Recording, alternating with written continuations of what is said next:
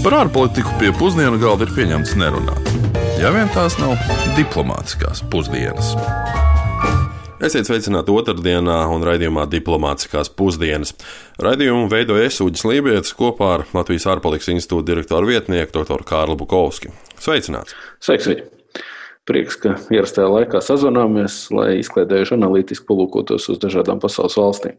Nu, ja mēs pagājušā nedēļā mums bija politiski un ekonomiski smags gadījums, ja tā var izteikties. Mēs aplūkojam Sīriju, un tās jau gandrīz desmit gadus ilgstošo pilsoņu karu. Tad nu, šodien pārcelsimies uz kaut ko pavisam atšķirīgu. Dosimies uz Kanādu. Jā, šajā raidījumā pirmo reizi dosimies uz Ziemeļameriku un aplūkosim Kanādu. Skatīsimies, vai tā ir tik perfekta valsts, kā daudziem dažreiz gribētos domāt. Šodien arī vaicājām mūsu radioklausītājiem telefona intervijās un atgādināšu, ka Klausītāji, kuri anonīmi vai neanonīmi vēlas kļūt par daļu no mūsu raidījuma veidošanas procesa, ir iespējams jums rakstīt mums e-pastā vai sazināties Facebook un pieteikties uz viedokļu izteikšanu par valstīm šajās klausītāju intervijās. Kanāda ir pazīstama ar savu attieksmi pret hokeju. To, ka tas noteikti daudziem iedzīvotājiem ir svarīgāks par jebkuru reliģiju, ar kļavu sīrupu, ar to, ka tur blakus pastāv divas tādas lielas kopienas, kas runā vienu franču, otru angļu valodā, bet pamanās mierīgi pāriet no vienas uz otru, gan dažādos oficiālos pasākumos, gan pat himnu dziedot. Kanādai varam būt pateicīgi, ka viņi mūs atbalsta stiprinot drošību ar saviem militāriem spēkiem. Viņu vienība joprojām atrodas Latvijas teritorijā. Nu, protams, arī šai valstī varam būt pateicīgi par to, ka tā savulaik deva pajumtī un izglītību mūsu bijušajai prezidentei Vairai Viķai Freibergai. Man šķiet, ka atzīmēšanas vērti ir Kanādas mūziķi, kuri ir ieguvuši pasaules slavu, nu, sākot ar Selīnu Dionu, turpinot ar Justinu Bieberu un beidzot ar grupu Arcade Fire. Un arī Kanādas kino industrijai ir vārdi, ar ko lepoties, bet tie varbūt nevienmēr uzreiz asociēs ar šo valsti, jo viņa darbošanās vairāk saistīta ar Holivudu. Nu, piemēram, Pamela Andersona vai Rains Goslings. Nu, tā kā varētu secināt, ka šī valsts spēja radīt talantus, kurus nevar nepamanīt. Kanāda ir īpaša pirmkārt ar hokeju, kas atnācis arī līdz Latvijai un kļuvis par vienu no populārākajiem sporta veidiem mūsu valstī. Kanāda ir īpaša arī ar to, ka tur izveidots kapitālisms ar cilvēcīgu seju atšķirībā no viņu kaimiņu valsts ASV. Un vēl Kanāda ir īpaša ar to, ka šajā valstī lielāko daļu mūža nodzīvoja mūsu bijusī valsts prezidente Vaira Vīķa Freiberga. Ir skaidrs, ka šo raidījumu veidot un jaunus faktus pastāstīt, laikam, būs izaicinošāk, jo Latvijas iedzīvotāji par šo aiz okeāna atrodamo valsti ir dzirdējuši ļoti daudz. Valsts tēla veidošana tai ir visnotaļ padevusies, acīm redzot, un hokejs, kā viens no pasaules populārākajiem sporta veidiem, sevišķi jau arī Latvijā, nu, pilnīgi noteikti tam ir palīdzējis. Jā, interesanti runāt par hokeju, kad pavisam nesen esam beidzot uzvarējuši Kanādu hokejā un kļuvuši par pasaules čempioniem virtuālajā hokeja čempionātā. Bet, starp citu, ledus hokejs nav pat starp desmit pasaulē populārākajiem sporta veidiem. Taču trešais populārākais sporta veids pasaulē ir arī kanādieša Džeimsa Naismeita 19. gadsimtā izgudrotais basketbols. Un, ja tic statistikai, tad vienu brīdi Kanādā hokejs nebūtu nebija visvairāk spēlētais sporta veids, jo to apsteidza gan golfs, gan arī futbols. Nu, īpaši jau jauniešu vecumā. Bet uh, to, ka Kanādā populārākais un fanu ziņā atbalstītākais sporta veids tomēr ir hokejs, nu par to šaubu nav nevienam. Šīs pasaulē pēc teritorijas otras lielākās valsts veiksmes stāsts pamatā ir acīm redzot bijusi nu, ne tikai tās geogrāfiskā atrašanās vieta un derīgu izrakteņu pieejamība. Nu, to noteikti ir ietekmējusi arī veiksmīga ārpolitika un, un, un, un pašmaiņa politika. Nepilnīgi 38 miljonus iedzīvotāju lielajā valstī, nu, kas pēc cipariem ir ļoti tuvu jau mums iepriekš aprūkotajai polijas. Nu, šajā valstī viena no centrālajām iezīmēm ir multietniskums. Nu, kas ir interesanti, ka tikai apmēram 32% valsts iedzīvotāju savu etnisko piedarību identificē kā kanādiešu. Jā, dzīvošana tik lielā teritorijā, kuru lielākoties veido Kanādas arktiskais arhipelāgs, lai gan prasa, nu, ja tā var teikt, saspiešanos ciešāk, jo vairāk kā četras piekdaļas no visiem Kanādas iedzīvotājiem dzīvo pilsētās. Turklāt arī interesanti, ka galvenokārt tā ir dažu simtu kilometru plata josla netālu no robežas ar ASV. Un kopš otrā pasaules kara beigām ražošanas, izējuma materiāla iegūs un arī pakalpojumu sektors ir Kanāda pārveidojas par ļoti atvērtu un nozīmīgu pasaules ekonomiku un valsti. Kanādas ekonomiskais spēks atspoguļojas tajā, ka tā ir viena no G7 valstīm. Ekonomiskā atvērtība parādās tajā, ka Eiropas Savienība ar Kanādu noslēgts ir Eiropas Savienības un Kanādas visaptverošais ekonomikas un tirzniecības līgums, jeb tā saucamā CETA, kas ir spēkā kopš 2017. gada. Un, ap citu, savdabīgs fakts, ka izskatās, ka arī šajā CETAS ratifikācijas gadījumā Latvijas Republikas saima pieturējās pie savas ilgās tradīcijas, un arī šajā ar Eiropas Savienības saistītajā līgumā viņa bija pirmā dalībvalsts, pirmā Eiropas Savienības dalībvalsts, kas to ratificēja uzreiz pēc Eiropas parlamenta. Bet Kanādai brīvās tirdzniecības līgumi noslēgti arī ar ASV jau pagājušā gadsimta 89. gadā, un slavenais nafta līgums, kuru gan tagad prezidenta Trumpa vadībā grozīja un pārsauc par ASV Meksikas Kanādas vienošanos, mainot arī tā brīvvietūru. Tas stāsies spēkā nedaudz vairāk kā pēc mēneša, 1. jūlijā. Ja mēs runājam par naftas līgumu, šeit tiešām tāda interesanta vārdu spēle. Kanāda ir arī trešais pasaulē lielākais naftas ieguvējs. Tāpat arī uz ASV eksportē arī dabasgāzi, elektrību, urānu, kā arī produkts un pakalpojums katru gadu vairāk nekā 600 miljardu eiro apmērā. Taču valsts IKP uz vienu iedzīvotāju ir aptuveni 45,000 eiro, un pēc šī rādītāja Kanāda ir tikai 4. desmitniekā pasaules valstu vidū. Nu, ja visens ir runāts par to, ka Kanāda bez ASV nebūtu tā valsts, kas tā ir, un līdzīgi arī ASV bez Kanādas tā nebūtu. Cik veiksmīgi šī partnerība politiski un ekonomiski ir bijusi, un mēs vaicājām arī Kanādas latvietiem, vēstures doktora grādu kandidātam Toronto Universitātē, Erikam Bredlovskim. Kanādā mēs vienmēr skatāmies uz ASV par politiku, sociālo un ekonomiskās maiņas un notikumi. Tātad, pat ja Kanāda ir brīva valsts, mēs arī vienmēr skatāmies uz ASV un domājam, kas notiek. Un parasti tas, kas notiek ASV, eventuāli notiks Kanādā.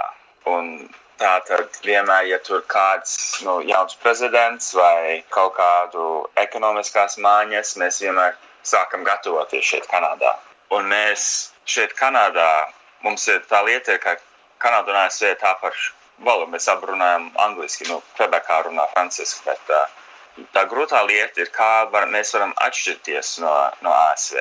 Un, un parasti tas nāk kā joks, ka jā, mēs esam līdzīgi amerikāņi, un mēs neesam amerikāņi. Un mēs vispār Kanādā esam pateicīgi, ka mums ir uh, Kanādas radio un televīzijas programma, kas rāda kanādiešu materiālu ka kanādieši vienmēr brauc uz Ameriku. Nu, atvaļinājumā, tā lieta ir arī, ka 90% no kanādiešu dzīvo kaut 100 km no, no Amerikas robežas. Tātad mēs esam ļoti līdzīgi, un mēs vienmēr braucam turp un atpakaļ. Un, un ir grūti mums atšķirties kaut kā. Nu, joks ir, ka mēs esam, mēs Kanādā esam pretim, vairāk pretīmākoši kā Amerikā. Tā, kā joks mēs to sakam, bet es nezinu, tas jau patiesi, jo vienmēr, kad es esmu Amerikā, visi cilvēki saka, o, oh, jūs esat no Kanādas, un vienmēr prasa, kā, kas, ir, kas ir Kanāda. Viņi pat ir pie robežas, un viņi nezina, kas, kas notiek Kanādā. Mēs šeit zinām vairāk par Ameriku nekā amerikāņu par Kanādu. Viņi dažreiz domā, ka Kanāda ir viena, viena amerikāņu štatu. Un es jau vienreiz, kad es biju um, Rietumkrastā Amerikā, viņi man prasīja, viņi man prasīja priekš man identifikācijas kartu. Viņi saka, es viņi nezinu tādu amerikāņu štatu. Līdzīgi jautājumu mēs vaicājām arī Baltijas vēstures profesoram Toronto Universitātē Andresam Kasekampam, kura skaidrojums bija šāds. Canadians, first of all, define their own identity as not being American. It's actually quite hard to identify Kanādieši par vienu no savas nacionālās identitātes pamatprincipu ir izvirzījuši nebūšanu kā amerikāņiem, taču patiesībā ir visai grūti noteikt, kādas ir tipiska kanādieša īpašības. Un labākais veids, kā paust savu kanādiskumu, ir identificēt visas tās lietas, kas nav amerikāniskas. Ja kanādietis ceļo pa Latviju vai Eiropu un kāds viņus uzskata par amerikāņiem, iespējams, ka tas kanādiešiem ir lielākais apvainojums. Vienlaicīgi Amerika un amerikāņi ir Kanādas labākie draugi. Starp šīm abām valstīm ir garākā neapsargātā robeža pasaulē. Pateicoties ASV, Kanādai faktiski nav jāsatraucas par savu drošību, un tāpēc visticamāk Kanāda nekad nesasniegs 2% no iekšzemes koprodukta lielu finansējumu aizsardzībai, kā to prasa NATO. Tāpēc es esmu pārliecināts, ka Kanāda turpinās savu pastiprināto klātbūtni Latvijā, jo Kanādas valdība vienkārši nevēlas ieguldīt vairāk līdzekļu aizsardzībā, taču tai ir jāparādā ASV valdībai, ka tā sniedz savu ieguldījumu NATO, vadot daudznacionālo bataljonu Latvijā. Tas tiešām ir redzams, un Kanādas valdība var parādīt, ka mēs darām nozīmīgu darbu, jo nav svarīga tikai nauda, bet gan tas, ka mēs darām kaut ko vitāli svarīgu important. Partneriem un labi kaimiņiem, acīm redzot, ir ļoti svarīga lieta. Nu, ar ar to Kanādai ir acīm redzot paveicies. Vienlaicīgi balansēšana pasaules politikā ir acīm redzama arī tādām nozīmīgām valstīm kā Kanāda, jo Kanāda, kā mēs labi visi zinām, nav atteikusies līdz galam no tās senās koloniālās pagātnes pilnībā, un acīm redzot papildus savus drošības vadīt, tā ir saglabājusi sasaisti ar apvienoto karalisti, un Kanādai nav savu prezidentu un valsts reprezentīvās galvas funkciju pilda apvienotās karalistas karaliene Elizabete II. Tādējādi Kanāda vispār ir konstitucionāla monarhija. Bet to, vai Kanāda tiešām ir perfekta valsts, mēs vēlreiz vaicājām Andresam Kasekampam, kuram pašam arī ir regulārs radio raidījums Kanādas balss Igaunijā. It combines the positive features of Scandinavian style social democracy with Kanāda apvieno sevi skandināvu stila sociāldemokrātiju ar amerikāņu kapitālismu. Cilvēki ir galvenokārt pieklājīgi un draudzīgi, bet klimats ir visai skarbs. Līdzīgi kā ASV, arī Kanāda ir federāla valsts, kas daudzas lietas padara sarežģītākas nekā Eiropā. Daudziem jūsu klausītājiem varbūt tas būs pārsteigums, ka tirzniecība starp Kanādas provincēm nav tik brīva kā tirzniecība starp Eiropas Savienības dalību valstīm. Faktiski nav tāda vienota Kanādas tirgus, un, protams, vēsturiski ir bijusi spriedze starp franciski runājošajiem kanādiešiem un angliski runājošajiem kanādiešiem. Kvebekā ir bijuši divi neatkarības referendumi - 1980. un 1995. gadā. Kvebekā joprojām ir aptuveni 40% iedzīvotāji, kuri vēlētos Kvebeku redzēt kā neatkarīgu valsti. Aptuveni 5% iedzīvotāju ir vietējie pamatiedzīvotāji, kurus mēs parasti saucam par indiāņiem un eskimosiem. Viņu situācija ir labāka nekā Amerikas Savienotajās valstīs, Krievijā vai Austrālijā, taču arī viņi tiek diskriminēti. Viņiem ir lielākas problēmas ar narkotikām un alkoholu. Daudzi no viņiem ir cietumā, un daudziem dzīves līmenis ir ļoti zems. Lai arī Kanāda pret saviem pamatiedzīvotājiem izturas labāk, viņu dzīve tāpat nav visai viegla. The indigenous people uh, is not easy. Nu, rezumējot, mēs redzam, ka Kanādas veikums pašmāju politikā un starptautiskajā tirzniecībā ir padarījis to par tādu valsti, kāda tā ir. Bet, nu, kā jau katrā valstī, arī Kanāda nav perfekta un uzlabojuma problēma risināšana notiek ikdienā. Un vienīgi, ka mēs varam arī novērot, ka Kanāda ļoti veiksmīgi radījusi iespaidu un valsts tēlu par sevi kā par ideālu veiksmes stāstu.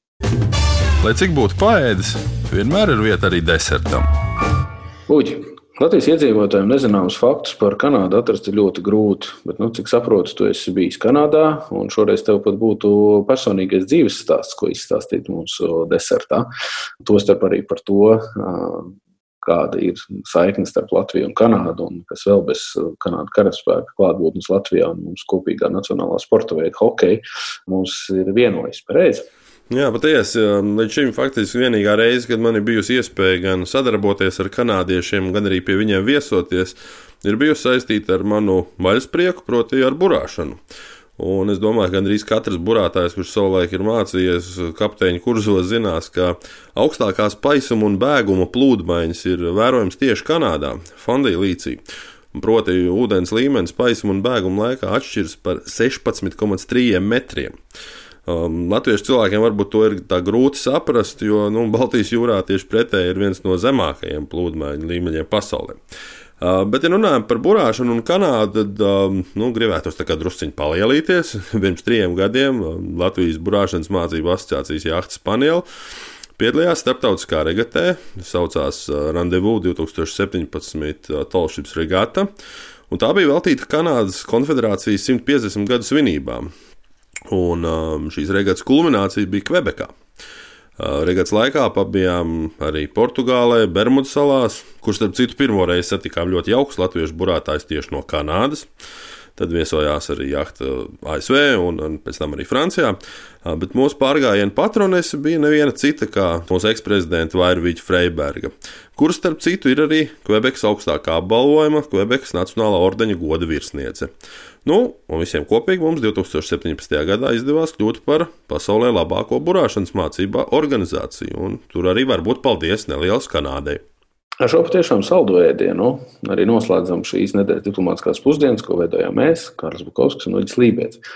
Nākamnedēļ dosimies uz vēl vienu valsti, kura ir Lielbritānijas karalienes Elizabetes otrās nu, teikt, pāraudzībā, un kur atrodas burtiski otrā pasaules malā. Dosimies mēs nākamnedēļ uz Jaunzēlandi. Lai izdodas! Tiekamies pēc nedēļas! Diplomātiskās pusdienas katru otrdienu pusdienos Latvijas Radio 1.